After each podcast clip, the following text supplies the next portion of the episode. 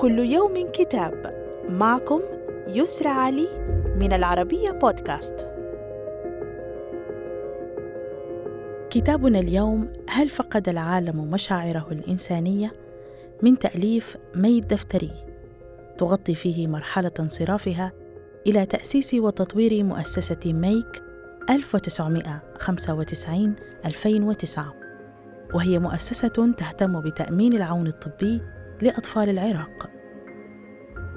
يركز الكتاب في مجمل فصوله على مراجعة حقبة الوقاية الصحية ووسائل تحقيقها، وفي هذا السياق تحذر الكاتبة المؤسسات الخيرية من تجاهل الأطفال وإهمالهم، خصوصا أن أرقام الإحصاءات الرسمية تؤكد وفاة 800 ألف طفل عراقي فيما بين عامي 1990 و 1995 وحرصت المؤلفة على تسجيل أسماء السيدات اللاتي تبرعن بأوقاتهن من أجل إنجاح هذا المشروع الإنساني.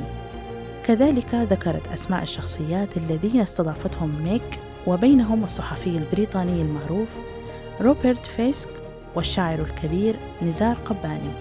إضافة إلى المعمارية الشهيرة زها حديد والنائبة السابقة في مجلس العموم كلير شورت. وإلى اللقاء مع كتاب جديد.